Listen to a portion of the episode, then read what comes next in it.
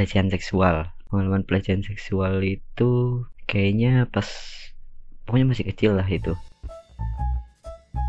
Opini Opini Masyarakat Indonesia Pernah ngalamin, dan ini yang paling sering terjadi, catcalling, dan gue benci banget sama hal itu.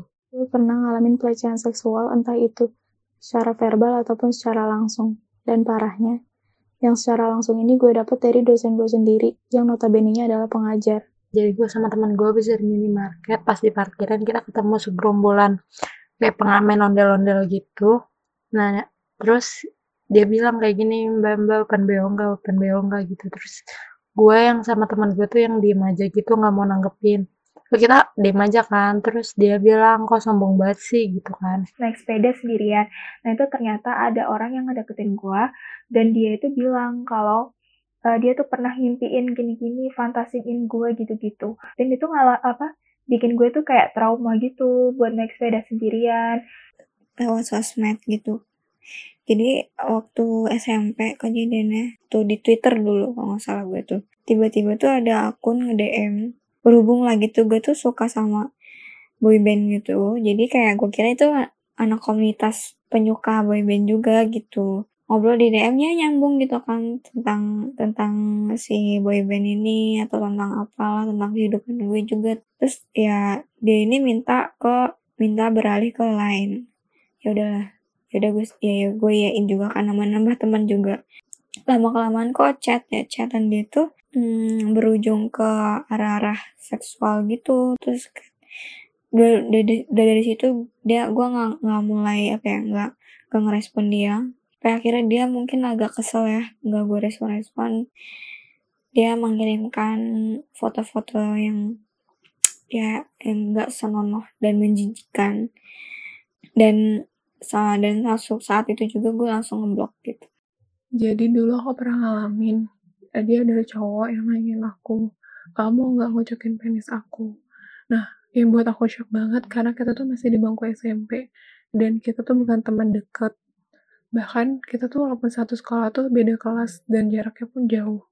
gue itu habis mandi gitu habis mandi itu sekitar mandi sore lah mandi sore jam jam jam jam habis asar gitu gue mandi karena di umur segitu gue juga udah diajarin buat malu gitu. Gue nggak telanjang gue gue tutupan gue tutup tutupan anduk gitu.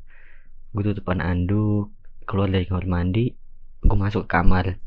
Pintu gue kunci buat ganti baju gitu. Selesai gue ganti baju itu itu tuh tahu-tahu dia itu keluar gitu dari apa kolong tempat tidur gue ya itu kayak gitu. Dan itu juga kayak nggak sekali doang gitu.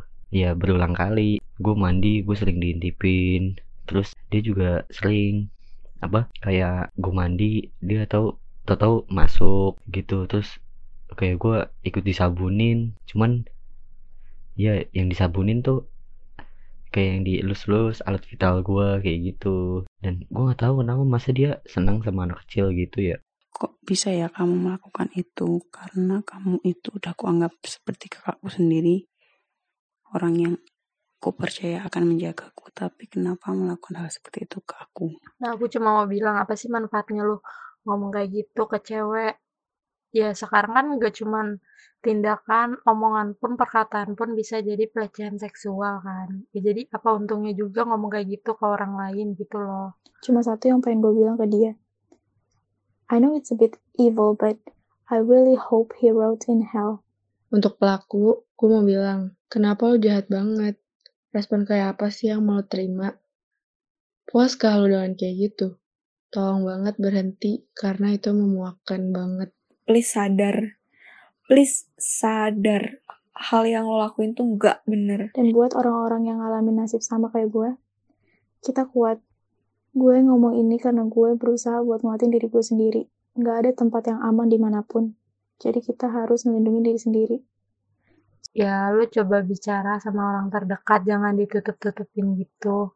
Ya lu juga patut bertindak kalau misalkan pelecehan itu udah melewati batas. jangan merasa malu atau merasa rendah diri atas apa yang sudah terjadi Lu nyari temen lu yang lu percaya, yang bisa support lu Lalu kalau misalnya trauma lu udah uh, reda, lu bisa tuh sama temen lu buat ngelaporin dia ke lembaga bantuan hukum tertentu biar seenggaknya lu tuh dibantu dengan jalur hukum kalau misalnya lu mau ke uh, badan hukum gitu. Bukan berarti lu telah diperlakukan kayak gitu tuh diri lu tuh menjadi kotor. Enggak gitu. Ya lu mau cowok mau cewek udah kena pelecehan seksual kayak gitu ya itu nggak menurunkan derajat ataupun kualitas diri lo gitu. Please banget berhati-hati gitu kan. Ya boleh sih sama stranger gitu kan telepon. Cuma lo harus tahu lah harus bisa apa ya harus siap mental lo juga harus kayak kalau kalau udah ada hal-hal yang menjurus kayak gitu tuh siap ambil langkah blok atau apa. Terus kalau misalnya dia tetap ngejar-ngejar lu atau gimana lapor. Sekarang kan udah ada tempat pengaduan kan tinggal lapor gitu. Aku harap sih buat pelaku sekarang dia bisa menjadi orang yang lebih baik lagi dan gak ngelakuin hal-hal seperti itu sama cewek-cewek lain dan aku harap buat kalian yang senasib sama aku atau pernah ngalamin hal yang sama, uh, kita bisa lebih hati-hati lagi ke depannya dalam menggunakan media sosial atau menyebarkan informasi pribadi ke teman-teman yang baru yang kita baru kenal. Opini, opini masyarakat Indonesia.